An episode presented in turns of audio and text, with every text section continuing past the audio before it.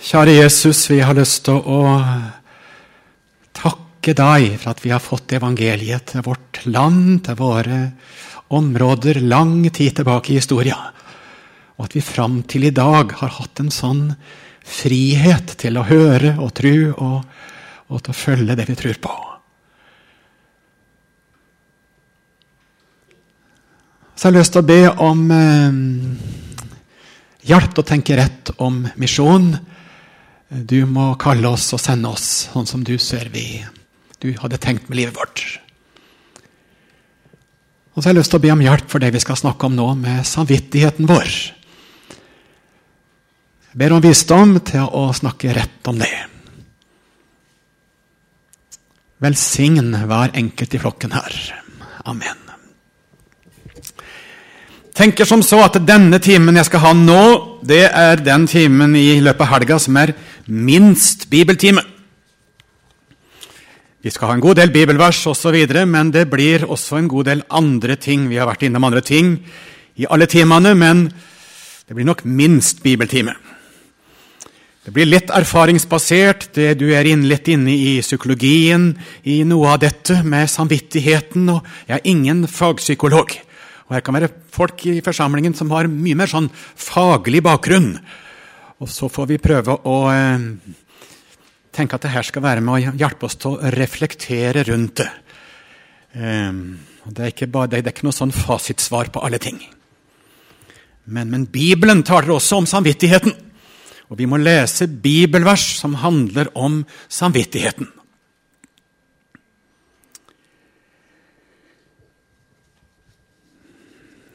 Mennesket er skapt i Guds bilde og er blitt et ansvarlig eh, vesen, ansvarlig individ overfor Gud. Eh, et menneske har ansvar for skyld. Eh, Gud stiller mennesket til ansvar for livet sitt. Hva har du gjort? Og når Gud kommer på denne måten, så tar jo Gud inn i samvittigheten. Skal vekke samvittigheten. Eh, et dyr har ikke samvittighet på den måten. Eh, dette er noe et kjennemerke på mennesket. Romerne 2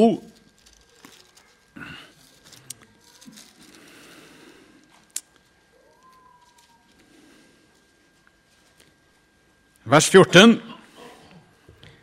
Når hedninger, når hedninger som ikke har loven, av naturen gjør det loven byder, da er disse som ikke har loven, seg selv en lov.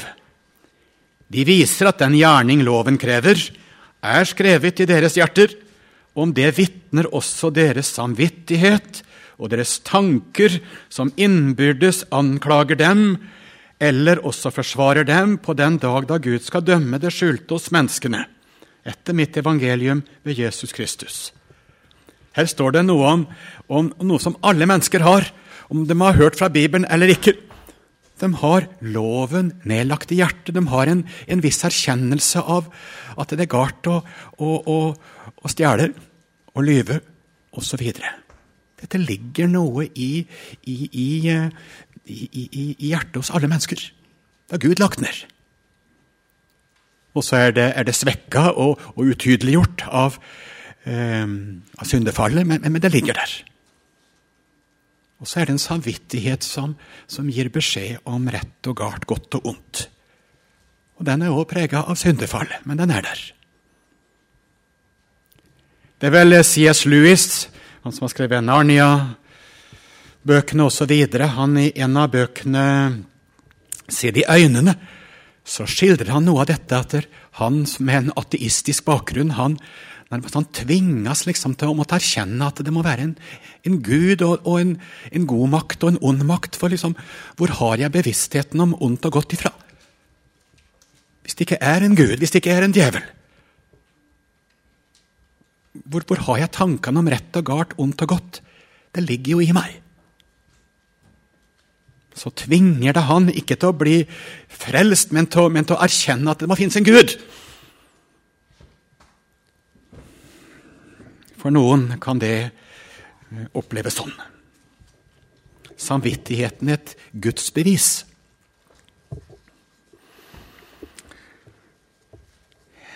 Som jeg nevnte, eh, vi kan ikke tenke på noen måte at samvittigheten er liksom unntatt fra syndefallet.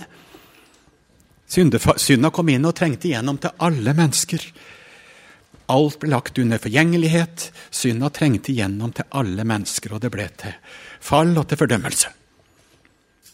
Kan en tenke at samvittigheten liksom ble bevart som en slags fullkommen instans inni oss? liksom?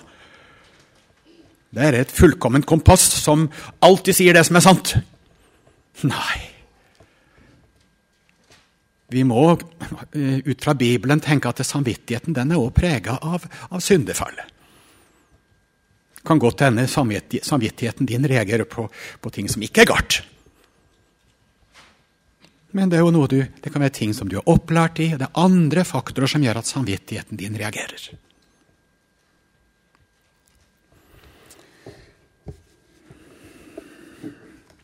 Eller noen har en samvittighet som overreagerer. Vi kommer tilbake til det.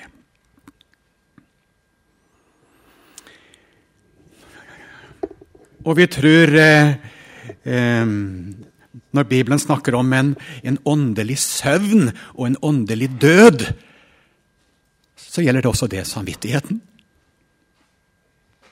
Derfor trenger vi vekkelse. Kristen vekkelse, åndelig vekkelse. Gud kommer og sender vekkelse. Og så vekker han hjerte og samvittighet. Hjerte og samvittighet er jo nære liksom, slektninger. Og så står det at Guds ord, det, det, det taler. Det er skarpere enn noe tveget sverd. Det dømmer, trenger igjennom, dømmer hjertets tanker og råd.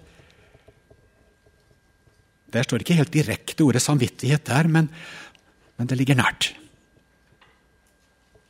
Våkne opp, du som sover. Stå opp fra de døde, la Kristus lyse for deg. Vekkelse inn i samvittigheten. Du, du får med Gud å gjøre. Eh, hvem er jeg? Hva har jeg gjort? Hvordan lever jeg? Åssen skal det gå med meg? Jeg står ansvarlig overfor Gud med livet mitt en vekkelse i samvittigheten.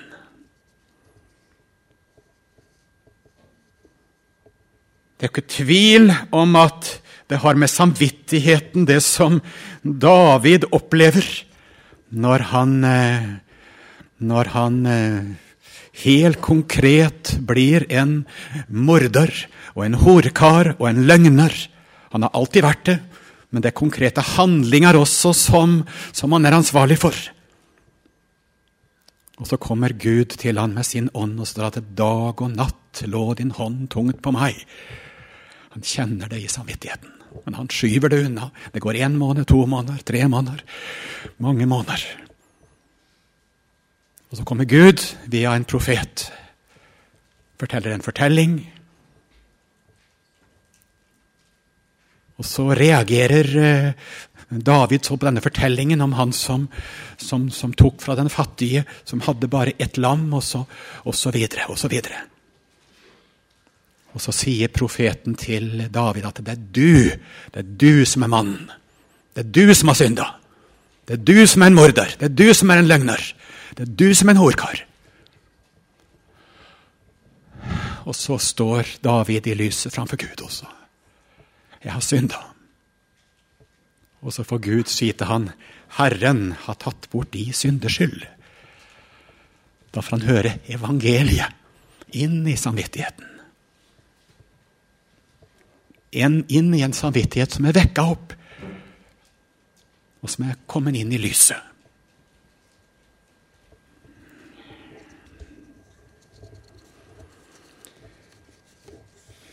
Det står i Bibelen min at eh, evangeliet Ehm, er, ehm, er en samvittighetspakt med Gud.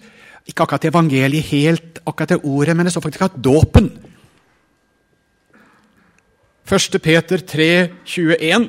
1. Peter 3, 21 står det det at eh, dåpen det er ikke en, eh, eh, renselse av kjødets Hva står det for noe? 1. Peter 3, 21. Jeg vil sitere det rett.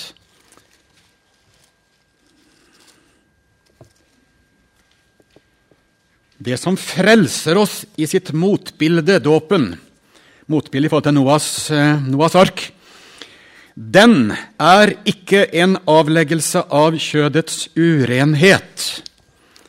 Og Her må det bety dette er ikke en, en, en gammeltestamentlig renselsesskikk eller en jødisk renselsesskikk, men en god samvittighetspakt med Gud ved Jesu Kristi oppstandelse. Dåpen en god samvittighetspakt med Gud. Ja vel, hva, hva betyr det? Jeg vet ikke om jeg har noe fullt lys over det. Men da må det jo være dåpens innhold, ikke dåpshandlingen sånn sett, men dåpens innhold, det jeg er døpt til. Jeg kan ikke se det annet enn at det, det er jo nettopp det som kan gi meg god samvittighet å få høre evangeliet. Jeg var med. Jeg ble korsfesta med Han. Jeg ble begravet med han, og jeg fikk stå opp igjen med han til et nytt liv. Han tok alt mitt, og så får jeg alt hans. Og det er jo det jeg døpes inn i.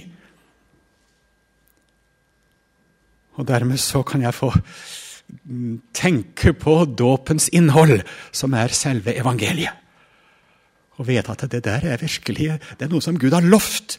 Det er noe som han har gjort med meg, og det er noe som gjelder også i dag, i trua på han. En god samvittighetspakt med Gud.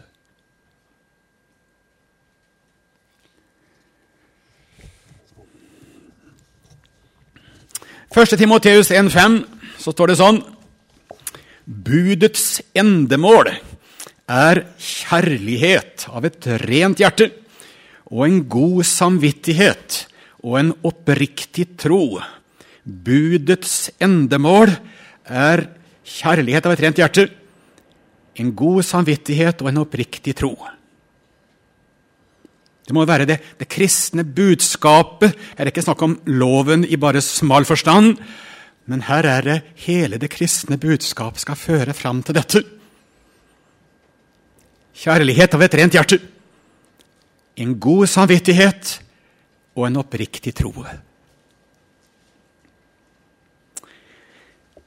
1. Timoteus 1,19 så skriver Paulus videre om den kristne trua.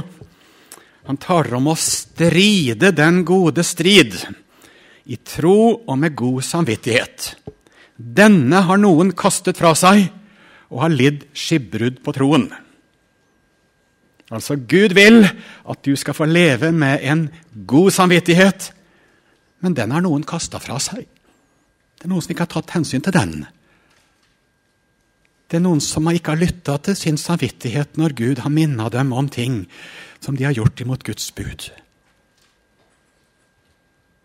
Du har drevet hor. Du snakker ikke sant.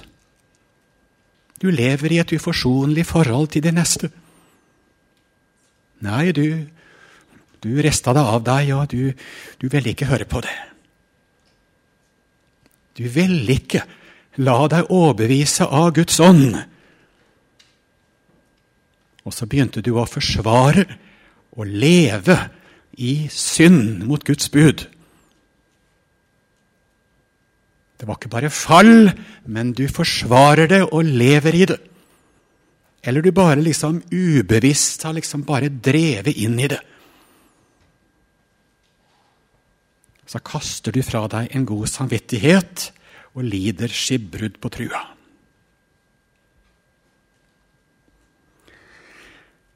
Første Timoteus 3,9. Da skal de kalle noen til å tjene i menigheten. Litt ulike oppgaver.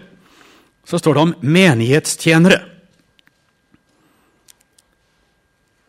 Det må være slike som bevarer troens hemmelighet i en ren samvittighet.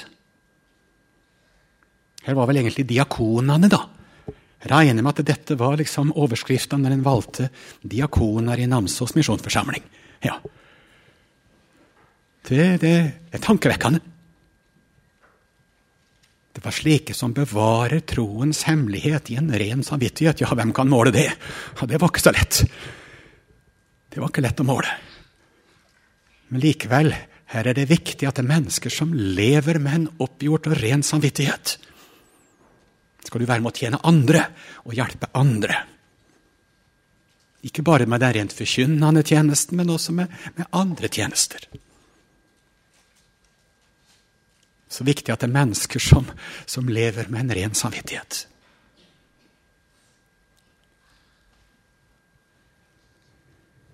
Og vi eh, repeterer altså da eh, Hva er det som kan hjelpe oss da i, med å, å, ha en ren samvittighet? Jo, høre evangeliet inn i samvittigheten, leve i lyset med livet sitt. Og følge det som jeg er overbevist om ut fra Bibelen, så langt jeg ser det. Det er ikke tilrådelig å handle mot sin samvittighet, sier Luther. Når det var noe han var overbevist om ut fra Guds ord, da kunne han ikke la det være. Han ville følge det lyset han hadde fått, eh, og ville ikke tråkke på sin samvittighet.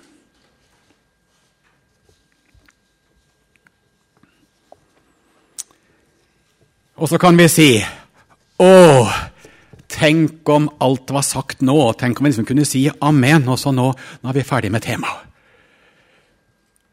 For nå har vi snakka liksom om sånn som samvittigheten er og, skal virke, og åssen Guds ånd ønsker å vekke og tale til samvittigheten og frigjøre samvittigheten.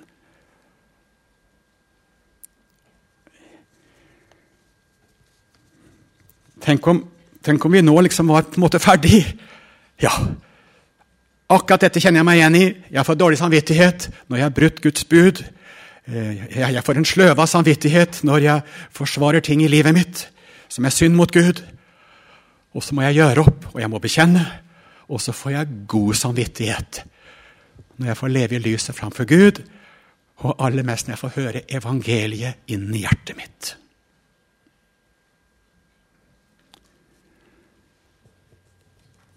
Men så er det jo ikke så enkelt.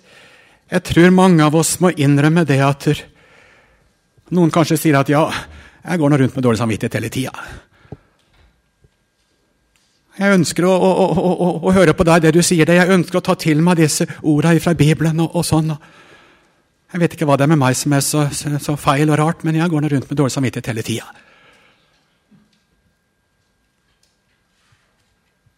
Ja, det kan hende. Og du er en ærlig kristen. Og du skal få høre at Jesus er din frelser.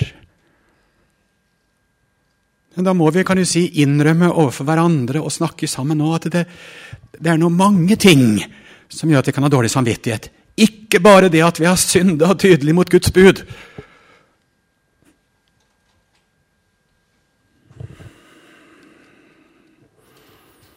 Og Dårlig samvittighet er ikke godt å vite om det er dårlig samvittighet eller om det er noe annet jeg har, men, men jeg går i hvert fall med, rundt med en, liksom en følelse av, av skyld og mislykkethet. Det er noe jeg ikke har gjort som jeg skulle ha gjort.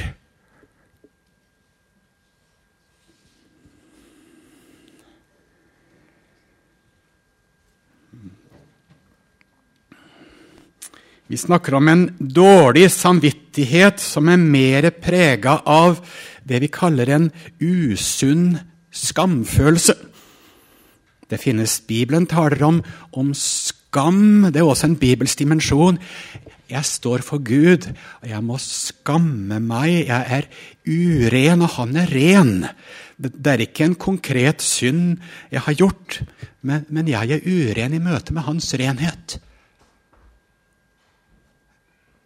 Og jeg må på en måte bøye hodet i skam.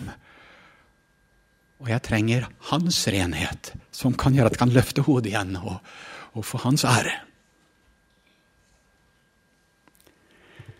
Men det finnes en, en usunn skamfølelse. Og det finnes en, en, eh, en usunn skyldfølelse som ikke Den hellige ånd har skapt. Og Det er sannelig ikke lett å rydde i det her, for det her hva Den hellige ånd har skapt, og hva som er sjølskapt og miljøskapt, det, det er vel et, temmelig vevd inn i hverandre. Vi, vi, vi, må i hvert fall være klar over at det her er det flere faktorer.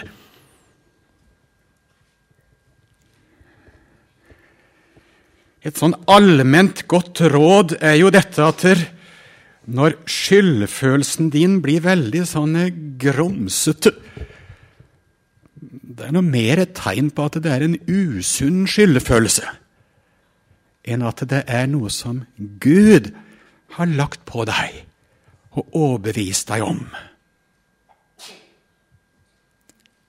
David sier, 'Jeg vil bekjenne mine synder for Herren'. Og han, det var forholdsvis klart for han hva han måtte gjøre opp.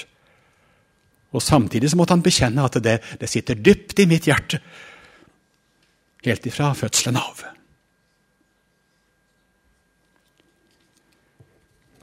Men hvis en snakker med et menneske og sier 'jeg har så mye dårlig samvittighet', ja, hva er, du, hva er det du tenker at du må bekjenne, da? Nei, jeg vet ikke hva jeg må bekjenne. Jeg syns jeg bare er mislykka. Jeg syns jeg bare er dum. Jeg syns jeg bare er dårlig.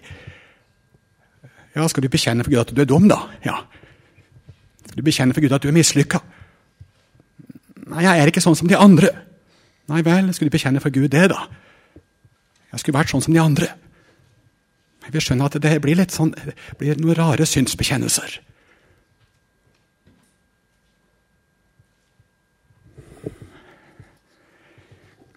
En strever mer med, med selvbildet.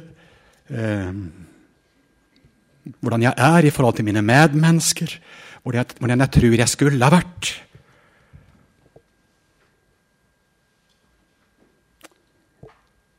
Jeg føler meg ikke bra nok. Jeg er ikke pen nok. Jeg er ikke sånn som de andre. Vi kjenner til dette lever og midt i tankeverdenen vår og følelsesverdenen vår. Og Det er jo en type dårlig samvittighet som, som, eh, som ikke har, har, en som ikke er direkte relatert til gudsforholdet. Men alt har jo med Gud å gjøre. Men, men, men det, er, det er så mange andre faktorer her. Og det er så mye sammensatt og så mye rotete. Kanskje det er noe med seksualiteten min. Jeg har så mange rare seksuelle tanker. Ja, det har jo noe med Gud å gjøre. Han vil ha Du skal ikke begjære din neste sektefelle. Men bare alle de seksuelle følelsene jeg får ja, men kan det hende at du kan takke for det at det, Så bra at du opplever at du er mann! Så bra at du opplever at du er kvinne! At det, det lever noe i deg! Noe av det er jo noe du kan takke Gud for. Hadde vært bedre om du ikke hadde noen følelser i det hele tatt. Det var, Du er helt som en statue. Ja. Du merker jo at det er noe som, som lever i deg, som du har fått av Gud. Og så er synda kommet inn, så det er blitt så mye pervertert og så mye urent osv. Men det er noe du skal få tak i Gud for. Og så er det noe du skal få leve i lyset for Gud med. En kan ha dårlig samvittighet for det som Gud har gitt deg.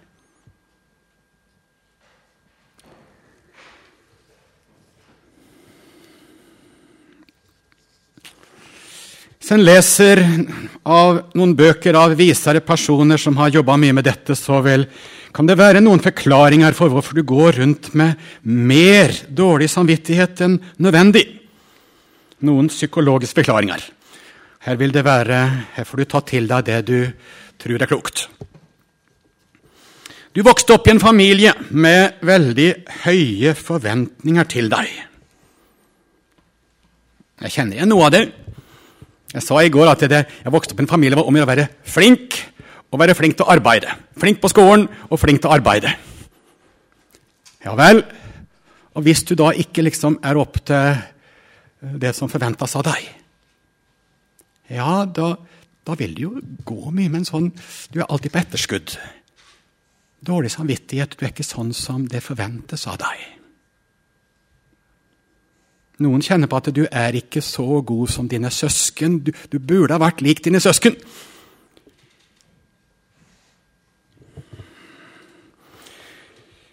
du vokste opp i et hjem, eller du vokste opp i en forsamling, en menighetssammenheng, hvor det ble stilt bestemte forventninger til deg som du ikke kjenner på at du klarer å oppfylle.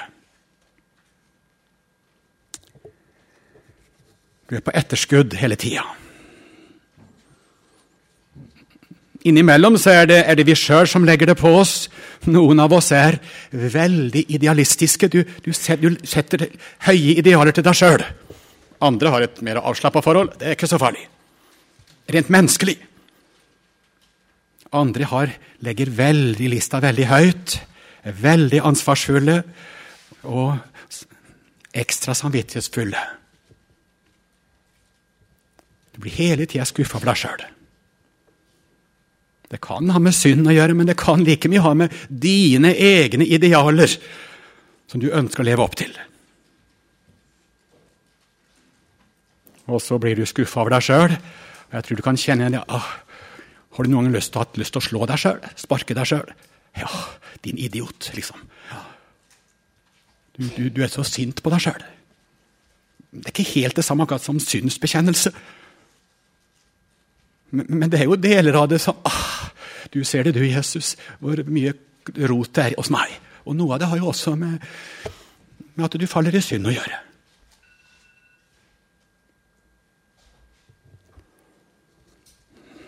Jeg nevnte at jeg hadde en far. Jeg vet ikke mye han tenkte på det, og det var masse godt med pappa. Og, og det store under var jo at han ble en gjenfødt kristen på sine gamle dager. Han ble en levende kristen. Eh, men i min oppvekst så husker jeg at han skjente ganske mye. Men han forklarte ikke så mye hvorfor han skjente. Og det hadde jeg lært av andre kloke mennesker at det, det er en veldig god oppskrift for å få mye dårlig samvittighet. At du, det er mye eh, kan du si, skjenning, men lite forklaring. Da, da lagres det mye usunn, dårlig samvittighet. Det skjønner jeg gjenkjenner det. Eller en kan tenke på den snille, oppofrende mora som, som sier til barnet sitt og tenk på alt jeg har gjort for deg, min datter, og så lite du har gjort tilbake. Hm. Ja. Tenk på alt jeg har stilt opp for deg. Tenk på alt jeg har gjort for deg. Og så vil ikke du ta oppvasken engang, liksom. Nei. Nei, Det er jo en fin måte å gi barnet dårlig samvittighet på. ja. Ja, skal jeg aldri kunne si noe sånt? Hm, jeg vet ikke.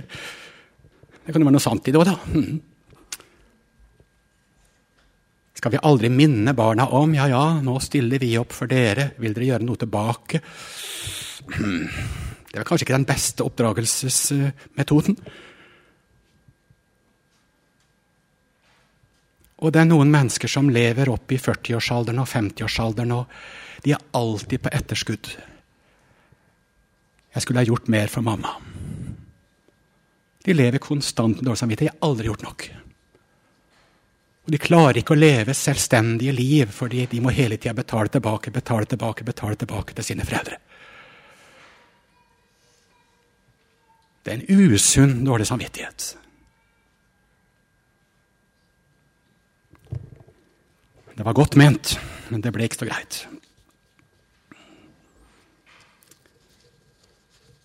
Vi skjønner at det er den som har blitt mobba, den som har blitt avvist, satt på utsida, kan streve mye med, med, med, dårlig samvittighet på en eller annen måte. En type dårlig samvittighet. Og kjempe for å bli akseptert, godtatt osv. Og så kjenner vi det alle sammen, tror jeg, om vi er like bevisst på det. Men den som da er påført noe fra andre,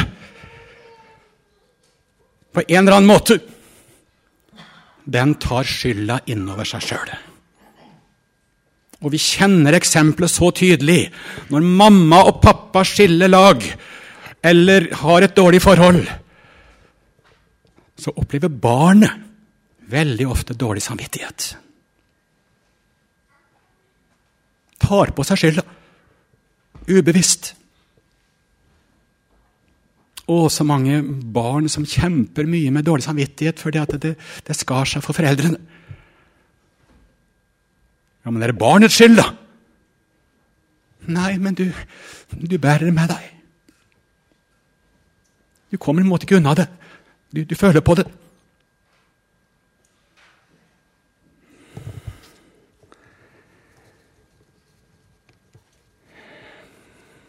Når det skjer noe med foreldrene, sykdom osv. Barnet kan ta det inn over seg. Av min skyld.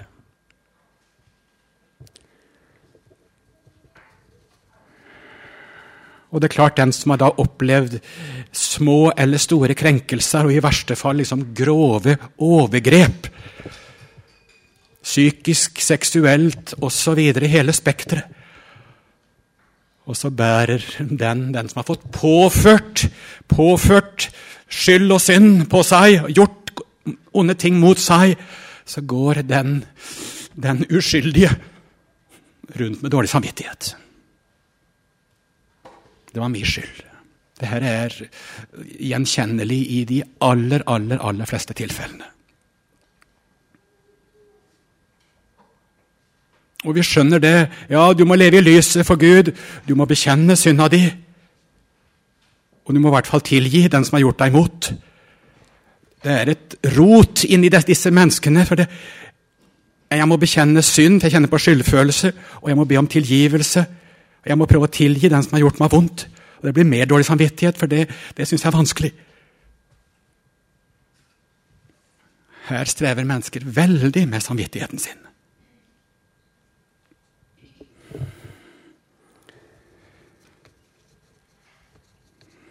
Og vi vet at mennesker kan streve med dårlig samvittighet for det at du spiser en sjokolade og du, du tar til deg noen kalorier som som kunne telles i et visst antall.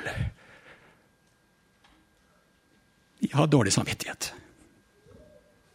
Og Vi skjønner at det, det, det, det, blir noe rart å skulle bekjenne det for Gud, liksom som synd. Det ligger på et helt annet plan.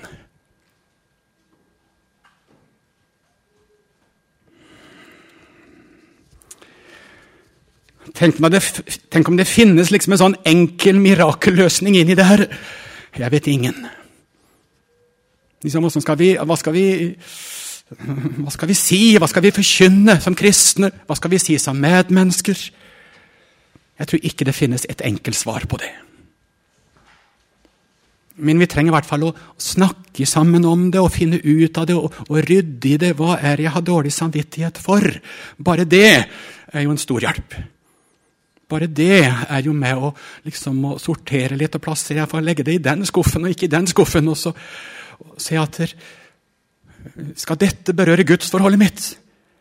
Eller ser jeg at dette, dette er jo noe som er, er mye mer med oppveksten og hjemmemiljø å gjøre, som jeg trenger å snakke om og jobbe med, men, men, men forhold til Gud åh, Jeg skal ikke la det der liksom bestemme over frelsesvissheten min. Men jeg trenger hjelp til å sortere for å, for å kunne se det.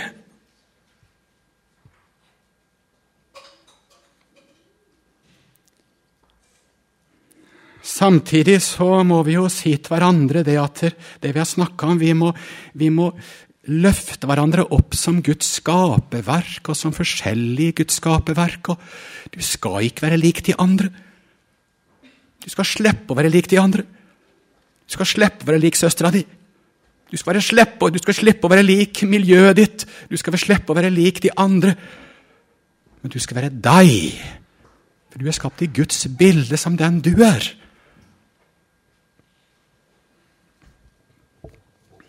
Det er én del av det. Samtidig så skal vi få lov å høre det at Jesus han døde for hele deg. Alt det som ikke du finner ut av, det var noe med på korset, det òg. Det som er et rot. Jeg er korsfesta med Kristus. Han tok hele meg. Da, om jeg ikke klarer å finne ut alt sammen, så er det noe det samme. på en måte, for Han tok det alt sammen på seg. Og han kjøpte meg fri, og så får jeg del i hans liv. Klarer aldri å, å, finne helt ut av hva er det som er synd og ikke synd, og hva er det som må bekjennes og ikke bekjennes.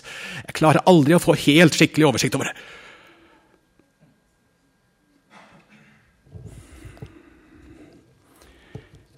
Og Så er det noen mennesker som får oppleve det på en veldig konkret måte. det at Å høre at det som andre har gjort mot deg, andre har gjort mot deg, det var også med på korset. Når Jesus tok all synd. Han tok min synd, han tok verdens synd. Da må han også tatt det uviselige som andre har gjort mot deg. Det du har gjort mot andre, takk og lov, det er med. Men også det som andre har gjort mot deg. Det var med på korset. Jesus tok dommen for det. Han kjøpte deg fri ifra at det skal ha makt over livet ditt nå. I lange helbredelsesprosesser så har det vært et, en viktig sak for noen som har opplevd veldig tøffe ting. Jeg kan ikke leve videre lenger, jeg vil ta mitt eget liv. Jeg orker ikke leve. Det er så mye vondt som har skjedd i mitt liv. Men få høre at Jesus har tatt det på seg og kjøpt deg fri fra det. Det vonde som du opplevde, som ble påført deg, det skal du få tenke, det er kasta i, i glemselens hav. Det har han gjort opp for. Det er ikke en sånn lettvint løsning for ikke å, å, å, å lufte ut ting. Men det er en, liksom den, den viktigste, endelige befrielsen.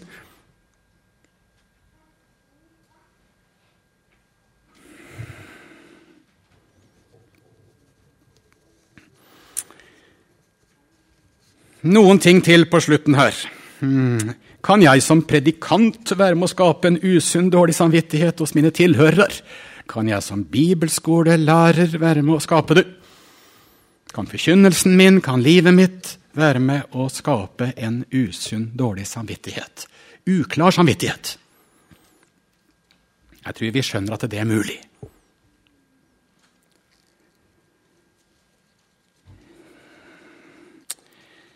Når jeg har vært her i helga nå, så kan jeg si det sånn at ja, jeg syns det virker som at det er veldig, mye, veldig lite kjærlighet mellom søsknene her. Det, liksom, det, skulle, det, skulle, vært mye varmere. Det skulle, skulle, vært mye mer broderkjærlighet og søskenkjærlighet, og det skulle vært varmere. De skulle, de skulle hatt mer vitnetrang, og de skulle hatt mer bare, Dette har jeg ikke kjent på, jeg har ikke det. Men liksom, jeg kunne jo gi uttrykk for det. og, og Men hva, hva, hva det skaper, da? Det, det skulle vært varmere her. Det skulle vært mer omsorg. Det skulle vært, skulle vært, det burde ha vært, det burde ha vært. Ja Det vil jo være en forkynnelse som på en måte liksom bare påfører en forsamling, et, et fellesskap, en dårlig samvittighet. Det burde ha vært annerledes. Ja, jeg kan nok ha hatt eh, Min forkynnelse kan vel Den kan i verste fall eh, føre det med seg liksom at du bare legger igjen en dårlig samvittighet. Og ingen vei videre. Det skulle vært gitt mye mer penger til misjon her. Det er så lite misjonsnød her. Ja, ja, hvor mye penger skal bli gitt til misjon for en så god samvittighet, da? Men ja. ja, det står noe om tienden, og det står noen konkrete råd. Samtidig skal vi være varsomme med å, å legge dårlig samvittighet på andre med, med, med, med givertjeneste og, og, forvaltning. Her må hver enkelt stå for Gud med livet sitt og, og, og leve ansvarlig overfor Gud. På en god måte fordi at du har fått evangeliet, du har fått alt av Gud, og du skal forvalte alt av Gud.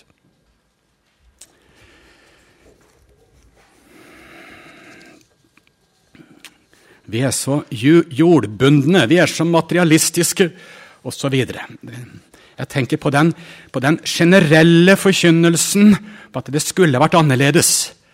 Eh, skaper ofte bare en dårlig samvittighet. Guds bud er veldig konkrete. Du skal elske Gud av hele ditt hjerte. Du skal elske de neste. Du skal snakke sant. Du skal ikke hykle. Du skal leve sant for Gud og overfor dine medmennesker. Bibelen er konkret. Loven er tydelig og skarp. Eh, den loviske, halvveis lovforkynnelse, sammenblanding av lov og evangelium, skaper en uklar, dårlig samvittighet. Du skulle ha opplevd mer, sett mer, kjent mer? Har du sett deg skikkelig fortapt, du? Liksom en, alle liksom legger i de skulle ha erkjent mer, sett mer, skjønt mer. Du legger igjen dårlig samvittighet. Men loven skal lyde og vekke samvittigheten, og du skal bli stående for Gud med livet ditt. Og du skal få høre evangeliet inn i livet ditt.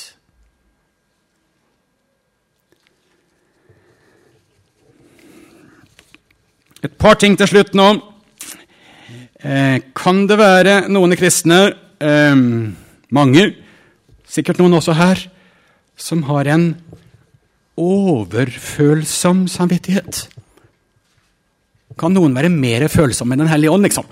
Det er rart. Noen snakker om det liksom, jeg lurer på, noen, noen er opptatt av dette med å bekjenne synd. og Det er så bra. Og noen kan tenke på det hmm, Jeg sa noe til den personen. Eller enda verre jeg tenkte noe helt grusomt om den personen fra en tid tilbake. Burde jeg bekjenne det? Burde jeg bekjenne det? Jeg må i hvert fall si det hvis du har tenkt om den personen, de verste tinga. Da tror jeg det var lurt om du ikke bekjente det. Ja. Det ville blitt en, en, en, en ei gjørme å, stikke, og grave ned i hvis du skal begynne å, å bekjenne dine tanker overfor mennesker. Da blir det virkelig ukoselig. Ja. Nei, det får du gå til Gud Ja, men jeg ble så minna om det. Jeg ble så minna om det. Det kan være små ting som en blir minna om. Den kjeksepakka som jeg stjal for 20 år sia. Sannelig så kan Gud legge det på et menneske, og du må gjøre opp. Du må gå tilbake til den butikken og gjøre opp. Og det kan være et vitnesbyrd både om Guds ånds virksomhet og om Jesus han kan forvandle liv. Jeg tror mange har opplevd det. Men å skulle bekjenne synder som måte, du bare føler på og, og, Det har egentlig ikke fått noen konsekvenser for andre mennesker. Det har egentlig ikke vært noen konkrete ting som har skjedd til varig skade for andre mennesker. Det er bare for at du skulle få fred.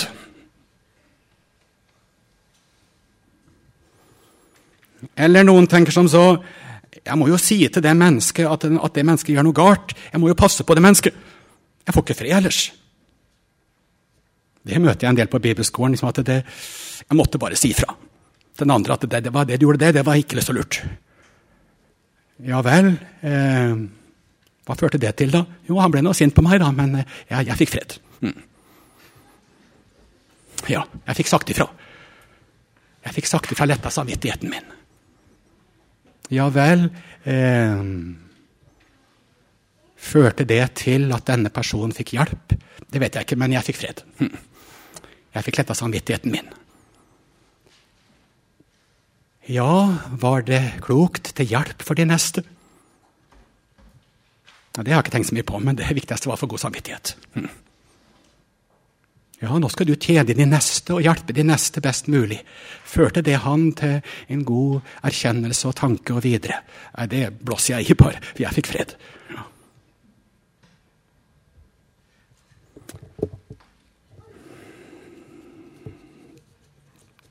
Jeg tror vi skjønner at det her kan det bli usunt.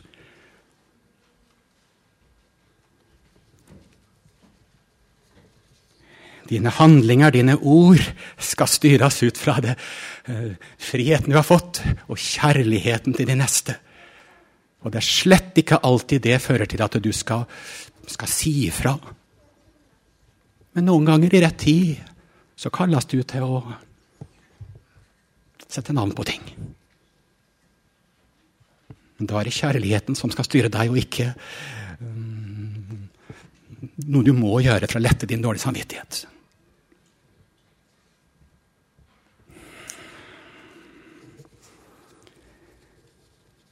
Og Jeg har vel tenkt sånn eh, for min del, og dere kan være hjertens uenig Jeg tenker at det er noen som kan ha en overåndelig samvittighet, at du, du opphøyer din samvittighet til nærmest være identisk med Guds stemme. Jeg måtte bare melde meg ut av Norske kirke. Jeg hadde ikke samvittighet til å være i det greiene lenger. Er ikke det bra, da? Jo, øh, det kan være greit å si, tenke sånn. Jeg syns det er så rart at ikke andre reagerer. Jeg, jeg hadde ikke samvittighet lenger. Så dere andre som ikke tenker som meg, altså, dere har ikke skikkelig våken samvittighet. Dere som ikke gjør akkurat det jeg gjør. Jeg, jeg klarte ikke, samvittigheten min sa jeg må gjøre sånn. Og du legger det fram med en overbevisning fra din samvittighet som påfører da andre en type skyldfølelse at de burde ha gjort det samme. Når de ikke gjør det samme, så er de egentlig litt sløve.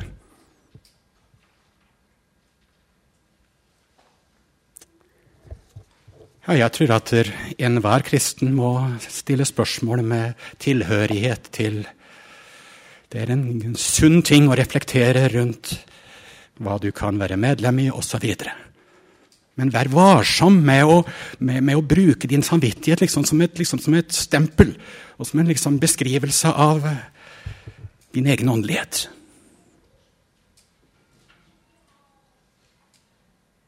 Ja, følg din samvittighet, du, men la ikke det være liksom rettesnor for broren din.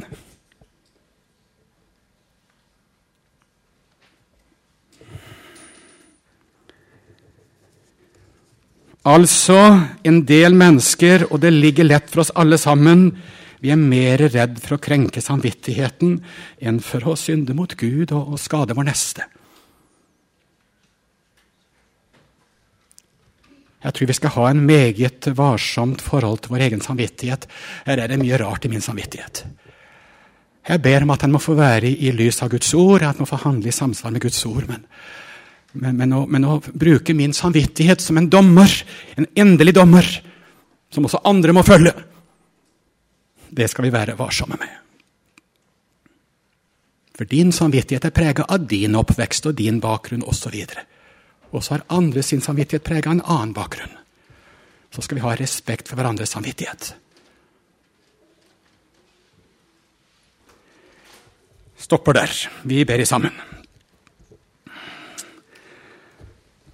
Kjære Jesus. Vi ber om hjelp til å eh, snakke rett om dette. Du må tilgi det som ble feil i det vi la fram nå. Og la det som er sant, være tilbake og forfølge oss. Takk for evangeliet inn i det dypeste i samvittigheten vår. Amen.